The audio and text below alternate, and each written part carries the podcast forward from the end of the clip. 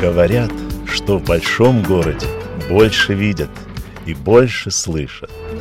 В маленьком больше понимают.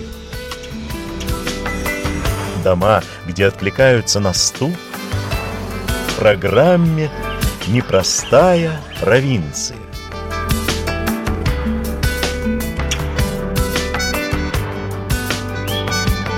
Программу «Непростая провинция» также можно послушать на веб-сайте Латвийского радио 4 LR4 LV на всех основных платформах потокового вещания и подкастов. Здравствуйте, я Ольга Гудис. Мы продолжаем гостить в Курзаме. На этот раз в Салдусе, вернее в Салдусском районе, но в дне Купагости. Мы проедем Салдус в юго-западном направлении и сразу свернем направо. Здесь, где городок уже закончился и словно растаяли салдусские холмы, упираясь в плоские просторы лугов, мы попадаем попадаем в населенный пункт под названием консервный цех. И действительно, кроме длинного двухэтажного производственного строения еще советского времени, в обозримой округе ничего нет, кроме лугов, редких кустарников и деревьев на горизонте. Именно в это большое здание, где производятся овощные консервы, мы и отправимся – меня привез сюда Анис Стурмнис, стройный, обаятельный, среднего возраста человек, руководитель и совладелец фирмы. Сейчас здесь тихо, у рабочих выходной, но в маленькой комнате офиса трудятся две молодые женщины. С одной из них и Айнисом мы и пойдем на экскурсию по производству. Меня зовут Верхун Светлана. Перевод с украинского верхун, вообще вергун. Так вы прям сейчас сразу оттуда? Не сразу. Приехала сюда. Я приехала сюда работать. Я не от войны приехала. Сейчас мы на склад идем. Да. Здесь мы с вами узнаем, какой путь проделывает поллитровая баночка, например, овощного супа, прежде чем попасть на полку магазина. А главное, мы познакомимся с людьми, которые запускают этот процесс. Это наш склад. Ворота открываются, подъезжает машина и выгружаются овощи. Овощи взвешиваются на весах и транспортируются в цех для хранения. 97% мы посчитали, что у нас овощи все местные. Заказываем от местных крестьян, примерно в радиусе 100 километров. Редко, редко совсем там весной, когда уже закончилось все, лук или еще чего-то, тогда, тогда бывает, что закупаем какой-то импортный. Так работаем только с местными крестьянами.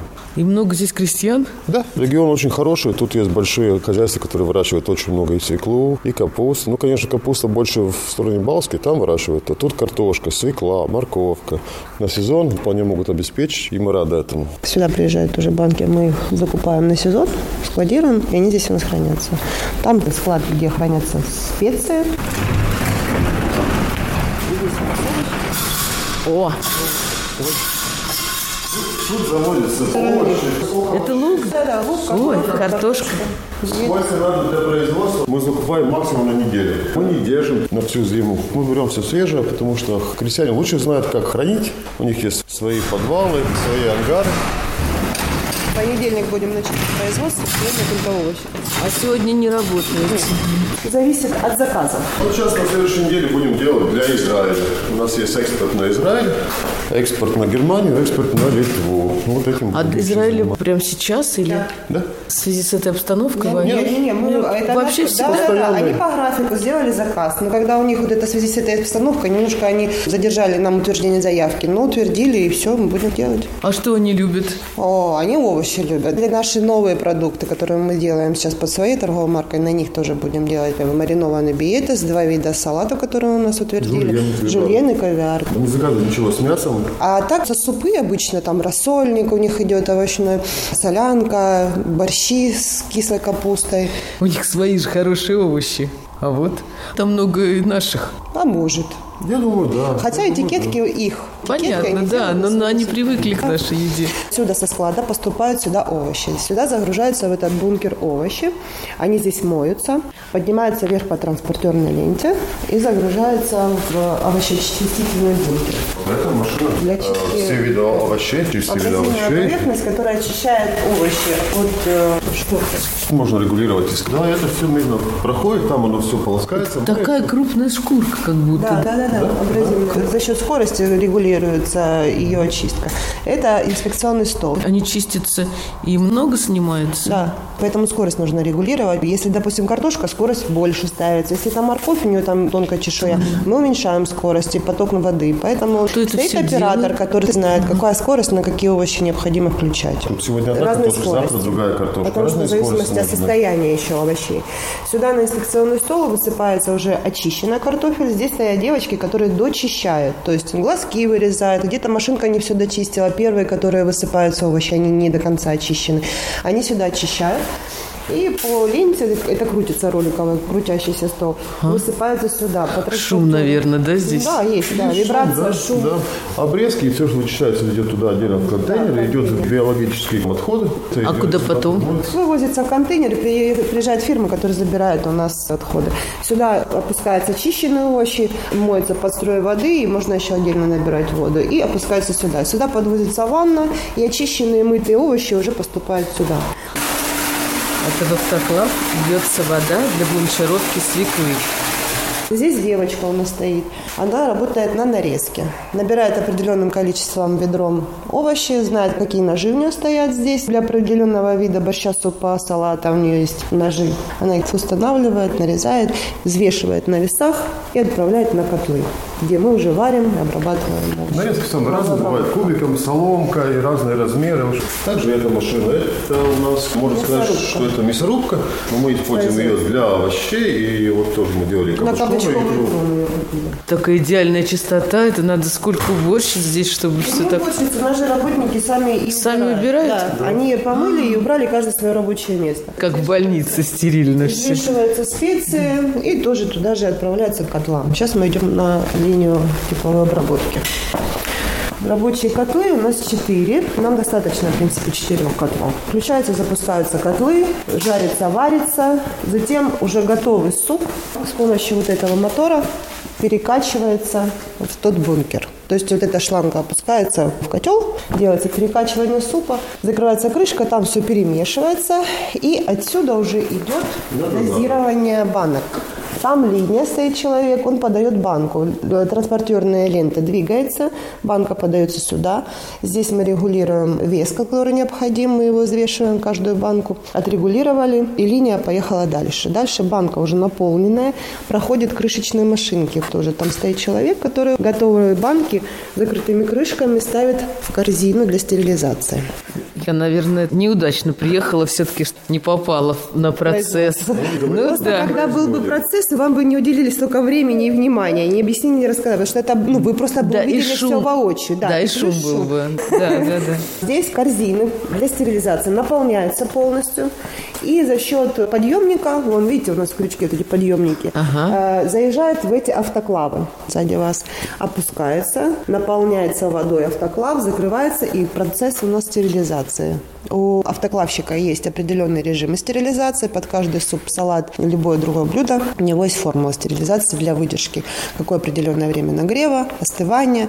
Когда уже готовый продукт, он поднимается в этой корзине, ставится на охлаждение дальше по коридору. На следующий день уже готовые банки, которые уже простерилизовались, отстоялись, подъезжают сюда подъезжает сюда корзина с банками. Девочка у нас тут стоит, выставляет все банки сюда. Здесь же у нас дополнительно происходит процесс браковки. То есть во время стерилизации банка может лопнуть, крышка может открыться. Это такой, да, процесс. Но мы не можем сюда ставить бракованную продукцию. Но у нас еще дополнительный человек, который еще раз просматривает эти банки, там в конце ловит их, уже готовы. Здесь Много она моет крышки. Ну, конечно, не без этого. Крышка открывается, где-то стукнулась, где-то поставил. И куда да. все это? Ну, если это брак, который хороший, крышка закрытая, мы его потом еще перерабатываем в процесс. Но если это, допустим, открытая крышка, то это уже выкидывается. Есть лопнутые банки, но это стекло, но ну, поэтому это все от этого да. никуда не деться. Здесь девочка моет банку, ставит сюда на этот стол. Дальше здесь идет мойка банки под давлением Ой, горячей водой и с помощью моющих средств. Здесь идет охлаждение и об, ну, это, обдувка. Это они внутри, что ли, там да, находятся? Да, да, да. Осушается сушка, сушка банки. И здесь идет транспортерная лента, где клеится этикетка. Сюда Ой, здесь... одевается этикетка. Здесь ставится дата. Проходит дальше. Дальше у нас идет термотоннель Но перед тем, как термотоннель или даже уже в термопленке, девочка стоит, которая на выходе, там тоже может просматривать банки. Если клыкает, она банку открывает, и обратно мы убираем, ставим пачку. Такая электроника сложная. Да. Прям на космической станции. Это ага. довольно сложная машина, да, и тут оператор должен знать, как с ней работать. Потому что бывает, этикетка ходит немного вверх-вниз, это тоже мы как бы не можем Это только для наклеения Да. этикеток, что ли? Да. Клеит Она клеит и сбоку, она клеит и сверху. Там разные вариации есть. На разную длину, разную ширину. И главное не перепутать на какую банку какую этикетку. Или Ну, как вы девушки там. все знают, у них Да-да. тут уже стоит, они уже А, вот понимают, эти ленты, конечно. да? Это мы на Это вы- а вы заказываете, да, да, да, эти ленты? Это мы делаем на Германию, это на Коку у нас получается идет, это наша этикетка Франбургас, есть Литва тоже. Не знают, какая этикетка куда идет. На Израиле этикетка клеится сверху, у них очень красиво получается, идет баночка, с- этикеточка, и сверху лейба от крышки на банку клеится, и получается ну, такой интересный штрих.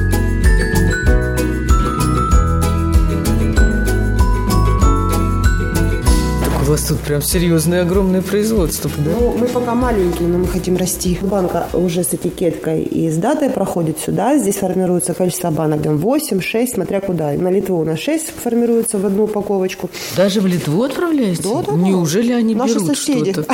Они все нам стараются что-то продать. да, мы работаем с одной компанией. Здесь ставятся банки, формируется, проталкивается количество банок, одевается термопленка, проходит здесь анотермичка обрабатывается и выходит уже Вот таких О, упаковочка. Это наш рассольник. определенным количеством рядов ставится, потом запускается пленка, которая обволакивает, обворачивает, получается, сам палет для того, чтобы транспортировка у нас была надежная. Кабачуикры. Это наш. Вот. Кабачуикры. И готовый палет уже определенным количеством для- для отправляется, чтобы транспортировать. И затем вот это, получается, готовый палет уже выводится на склад. Там кладовщик принимает, знает на кого, что, сколько отправлять. Ему даются определенные бумаги накладные, по которым он формирует заказ в зависимости от дат. Все. все. Краткий процесс. Здесь у нас Кратко, капусту да? режут. Здесь весы, везде есть контроль. Это очень важно при нашем производстве, чтобы здесь держать контроль над качеством. Поэтому во всем процессе везде, везде стоит контроль. Там весы, там весы, тут весы. Когда выезжает уже продукция непосредственно на погрузку, кладовщик тоже обращает внимание, где-то, если есть потеки, мы полностью вывозим обратно, смотрим, где что, банку какую достаем, переделываем полностью палеты. И вот от захода овощей до Да. выхода. Сколько это времени проходит, этот Ну, цикл? смотри, день, это все за день. За проходит. целый день? Конечно. Ну, мы даем дня. объем. Два дня Нет, ну, эти этикетка просто клеится на следующий день, потому что мы стерилизацию сделали, на следующий день уже просто упаковка идет. А вообще приготовление в банку положили, это мы все за один день, но в зависимости от объема. Мы Ну, день это сколько получается? Это как? восемь Восемь? часов. Ну, же Восемь рабочий часов, день. Да, потом продукт после автоклава должен остыть. Там тоже, пока он постоит, остынет, тоже банка какая-то клыкнет, где-то банка что-то, чего-то. И помимо этого, э, хотя бы 10 дней должны на складе отстояться уже в готовности. После этого уже, если нет никаких браков, тогда уже идет отгрузка. да. Вот таким лабиринтом тут прошли. А, мы сделали круг. Да, мы просто сделаем вокруг. вот. А я думаю, а мне что-то думаю, у меня уже голова тут пошла кругом. от этого. А, вот человек пылесосит. Пылесосит. Ну да. Там машина заезжает, и потом уже, уже, уже будет. Разные-разные стоят Это тут баночки. баночки. Специи. А, Специи тут. продукт. Ого! Этикетки тут стоят у нас. Все этикетки. Тут специи. Ну, еще девочка только вчера установили, они еще это будут делать. Этикетку вот она для себя подписала. Да, какая куда? она. Это бацы, солянка. Ага. Да, этикетки и специи.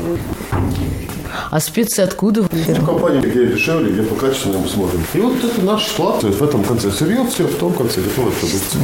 А это что вот это? Это соль, сахар. Соль? Конечно. Боже, в таких... Да. А, Мешками. Мы ж вот. мешками. В день по два мешка перерабатываем. Да? соль, Ой. Да. Даже морская капуста? Да, у вас есть? Это единственное, что мы сырье завезли, очень качественно, его делаем два вида морской капусты. Вот мешки с морской капустой. Они приезжают в сухом виде. Мы их восстанавливаем. Гидратацию делаем, варка и маринация. И затем уже получаем салат из нее. По такому принципу все работают. Кто работает с морской капустой. Никто в свежем виде не поставляет, потому что сроки их маленькие.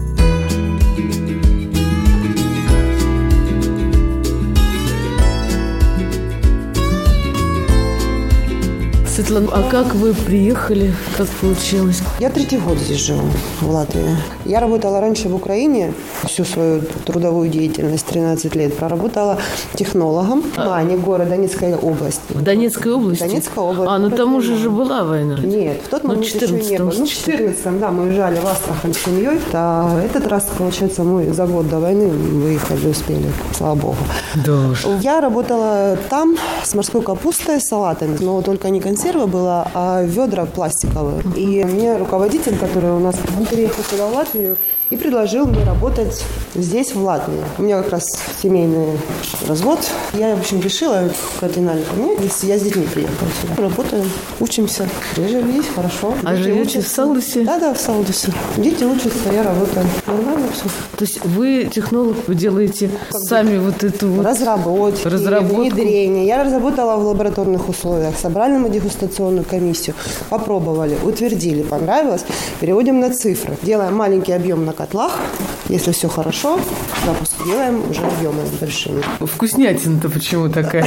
Все получается сразу как хочется, что-то дорабатывается в процессе, потому что маленькие цифры перевести на больший объем, меняется вкусовая, плюс еще... Меняется все Конечно, меняется. Или я в кастрюльке зажарила красивый цвет лука, придала жареный вкус, или это в котле, а он не жарится, он тушится. Ну, вот это один из вариантов. В котле тяжелее довести уже до той консистенции, до вкуса, консистенции консистенция имеет значение, жидким, чтобы не было, супы должны быть твердыми. Салаты они разбавляются. Да, да. Супы, да, они разбавляются одни к одному, они должны быть твердыми. Вот это такая тонкая грань, мы получается концентрацию супов делаем, чтобы не было жидким, транспортировка прошла и хранилась, не было частичек воздуха и все остальное, хранение было у нас соответствующее. Украинский борщ это ваше? Нет, это было здесь было. еще до этого. А что ваша личная разработка? Вот это все мое. Вот это все. А, да. это сколько здесь? 14. Ого! Угу. Так вы все время в процессе? Я и в процессе, в технологии обязательно вместе с девочками варим, подсказываю. Все равно надо будет следить. Когда есть у меня время, есть идеи какие-то, я иду наверх к себе в лабораторию, там начинаю делать задумки, или кто-то подсказывает. Вот, допустим, мы были на Рига Фуд, и в Стокмане. Очень много интересных идей от людей услышать можно. Они сами говорят, что хотели бы. Мне интересно слышать отзывы, потому что мне тяжело. У нас немножко другие вкусовые рецепторы, можно так сказать, в Украине. Здесь слишком ярко выраженный кислый вкус.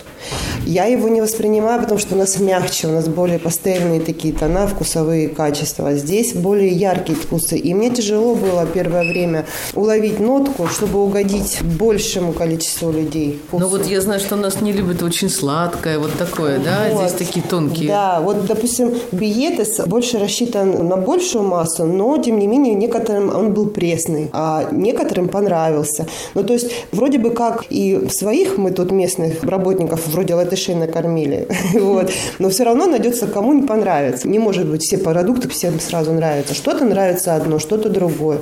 Отзывы абсолютно разные. Даже тот, кто любит морскую капусту, кому-то понравился, кому-то нет. И консистенция тоже мягкая. Они привыкли твердо, а после стерилизации, пастеризации у нас мягче, допустим, с ламинаре получается. Ну так, путем проб ошибок.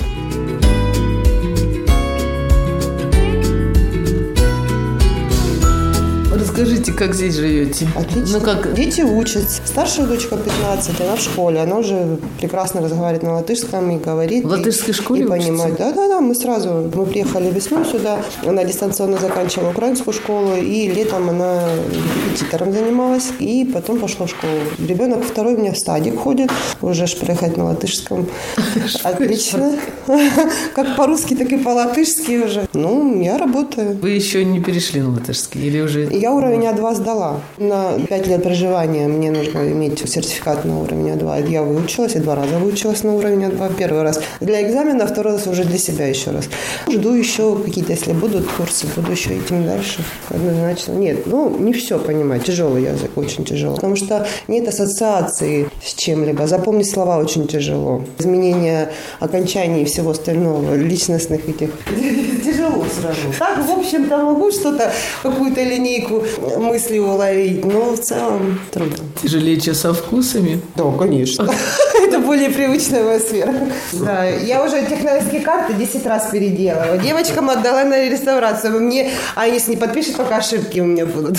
Поэтому я здесь перевожу через переводчик, что понимаю сама. Ну, спросить, подойти, всегда ответят. На данном этапе как бы сейчас все знают, все понимают. Кто не понимает, он подойдет, расскажет. Тому, кто понимает, и мне объяснит, и я тоже точно так же.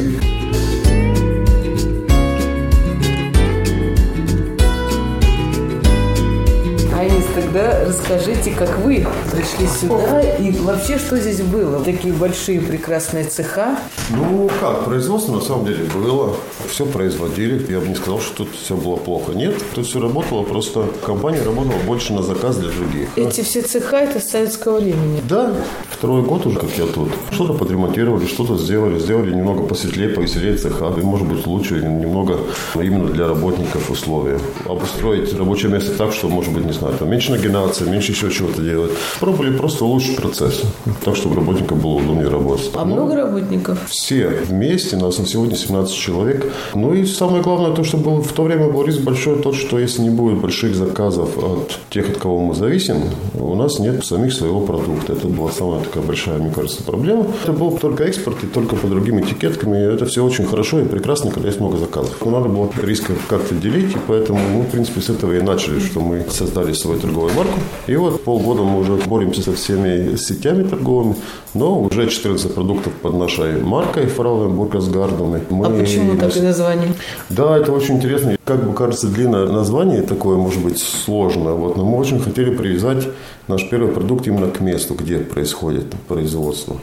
А слово Фравенбург – это историческое название города Саулдус. А с перевода Фравенбург – это Севет из Пилс, Севет из Сетокснис, это ну, женский дворец, женская крепость, вот так можно перевести. Кухня как бы тоже так понемногу можно сказать, что это как бы женская крепость. Это, конечно, сегодня не так актуально в наши времена. Уже мы есть в Риме, Элду, Цитру, Лац. Ну, заказы пока еще небольшие, но мы очень активно работаем вот с нашей командой и вот с Агнесой, и со Светланой Участвуем везде, где только можно. Организуем дегустации во всех магазинах. Поэтому участвовали и в Рига Фуд.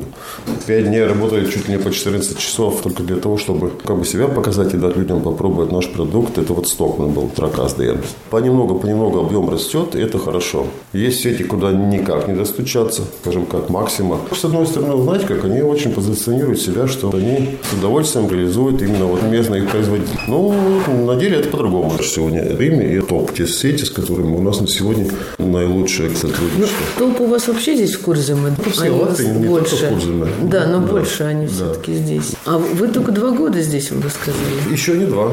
Меньше? Да. А чем занимались до этого?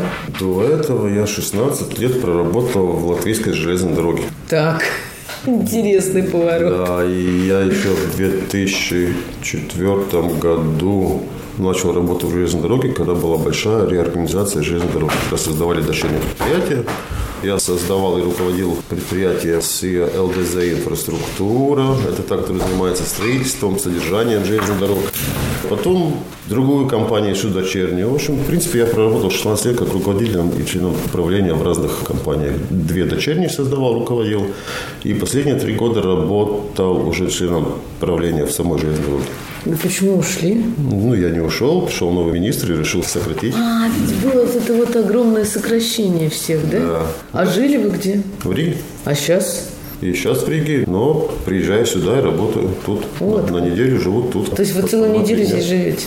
Очень часто получается в Ригу то товар везти, то что-то привезти. Или овощи, или этикетки. Все это движение в такой динамике. Я и тут, я и в Риге. Еще дня 4-5 месяцев я еще и в Талсе еду, поскольку я еще там, ну, как депутат работаю тоже. А в Талсе какой? Талсе вообще мой родной город. Я больше всего своего времени прожил в Талсе. Вы там родились? Нет, Нет? родился я в Казахстане. О! Родился я в Казахстане, город Семипалатинск. Поэтому такой хороший русский у вас. Ну, возможно, да, у меня мама русская. Мама русская, отец латыш. Поэтому, да, с русским как бы больших проблем нет. Ну, как ваши родители туда попали? Отец поехал туда как в то время на стройку, когда строили Целину, БАМ. Зачем у вас такой комсомолец? Да, да? Ну, думаю, нет, он просто профессионал своей профессии. Он профессиональный сварщик был. Такие люди были нужны. Но он поехал туда. Там и познакомился с моей мамой. В Латвии он жил в Алдемарпилс и Роя. У моря. У моря, да. Да, жил у моря и поехал в Казахстан. Да, да. Мне было два года, когда мы вернулись уже в Латвию. Вот с двух лет я уже в Латвии. А, так вы не помните там ничего. Что-то помню. А что помните? Помню, какой у нас был дом, помню огромные лужи после дождей, помню огромные снега, в которых делали пещеры с братьями старшими. Снега было так много, что дверь была завалена до самой крыши. Там же климат суровый, там как летом жарко, так зимой холодно. Так у вас большая семья, старшие братья? Два старших брата, сегодня только один остался, старшего уже нет. А мама что рассказывала, как она в Казахстан попала? Они и на Целине жили, и... То есть она тоже поехала на стройку, да? Нет, они как бы, ну, мама русская, поэтому... Казахстан же все-таки это... Ну, там уже бабушка моя жила, до этого переехали туда, после военное время, после Целины. Они перебрались туда и там работали. Бабушка работала на грузовой машине шофером. Зерно возил даже в военное время. Ну, бабушка сейчас уже на том свете. Не были в Казахстане? Был и не раз. Конечно, был и ездил, и в родное место ездил. И по работе, когда работал на железной дороге, довольно часто ездил в Казахстан. Очень много раз был в Алмате и в Астане. Два города с полнейшим контрастом между собой. Алмата – живой, красивый город, там есть своя история. А Астана – это же новый город, построенный в степи, очень современный, как маленький Дубай, но очень холодный. Ну, это даже не в смысле холода, а нет тепла в этом городе. Такой вот новый современный город. Без тепла? Да, да, без души, так можно сказать.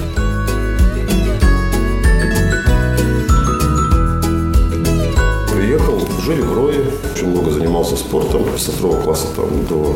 Да я еще даже в армии еще потом спортом занимался. Ну, в армии вы уже в латвийской служили, да? Нет, в советская. Я 1966 года рождения. Поэтому нет, советская, что интересно, служил в железнодорожных войсках. А тогда еще не думали железнодорожных? Нет, конечно, нет. нет, конечно, нет, просто по распределению туда попал. А и, да, служил на железной дороге. Правда, я там больше, конечно, занимался спортом. Я там был ответственный за спортивную жизнь, за спортивное хозяйство, стадионы. Там был бассейн, был стадион, да, была большая спортивная инфраструктура, специальные поля для, для тренировок. И вы были за это ответственны? Да. А как, как так получилось? Вы что, как, вы начальник вообще? Как-то странно. С рождения. Но, но я знаю, что очень много и часто брали хозяйственную работу латышей. Знаю, что брали украинцев тоже. В советское время, ну, наверное, как-то что-то они в этом видели. Вот. Но мне просто нравился спорт. А хозяйственность. Я думаю, это у нас у каждого. У каждого а спортом каким вы занимались? Я занимался легкой атлетикой. Больше разными прыжками, прыжками в высоту. В 1983 году, как раз в Украине, кстати, в Никополе поставил рекорд техникума города Канова. Я там учился. И в 1983 году поставил рекорд ровно 2 метра. Рекорд даже на сегодня еще так и висит в музее. Мое имя. И да, рекорд так еще не побить. После меня там больше, чем я, прыгуна не было.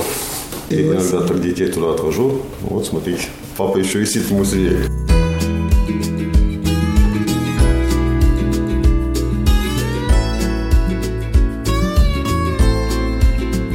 Когда я пришел с армии, я какое-то время был без работы. Я работал на мясокомбинате в Лепо, и потом был без работы какое-то короткое На время. мясокомбинате? Работал на мясокомбинате. А кем? Делал все работы. Вот бойцом скота. Ой. Да, да.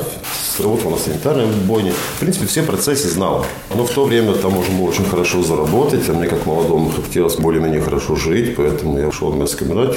Там хорошо научился, платили, научился да? все это работать. Буквально через год я уже ездил на новом мотоцикле Ява. Это, Ого. В это время это уже было. Это какие годы? 88 год примерно. Вот, поработал там какое-то время, потом его мама перебиралась в город Угола, я тоже туда перебрался, там был строительный кооператив. Уголы? Угола, да. Там был строительный кооператив, поработал там хорошо в строительстве, довольно долго поработал, примерно два года. Это же совсем маленький городочек. Да, как часто бывает, кооперативы распадаются в то время. Тогда был какое-то время без работы. Но это уже было время, когда уже было, ну, как нет, уже независимость. И везде менялись люди на разных на предприятиях, и даже в таможне. И в то время в таможне очень много людей уезжало в Россию, уезжало в Белоруссию, где у кого была родина. Тоже очень много было и россиян, и белорусов, и украинцев. Из них очень многие уходили с работы, и в таможне нужны были люди. Я тогда знал, что в таможне набирают людей, я пошел работать в таможню. Но не просто так, а прошел обучение и знал, что в городе Талси будет создаваться таможенный пункт. И меня заслали в город Талси создавать таможенный пункт. В Талском районе было очень много экспорта. Все рыбное хозяйство, то, что уходило в Россию, в Белоруссию, повсюду, все это декларировалось. Надо было оформлять таможенные процедуры.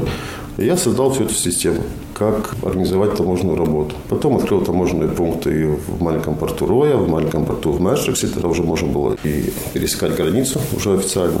Создал таможенную работу.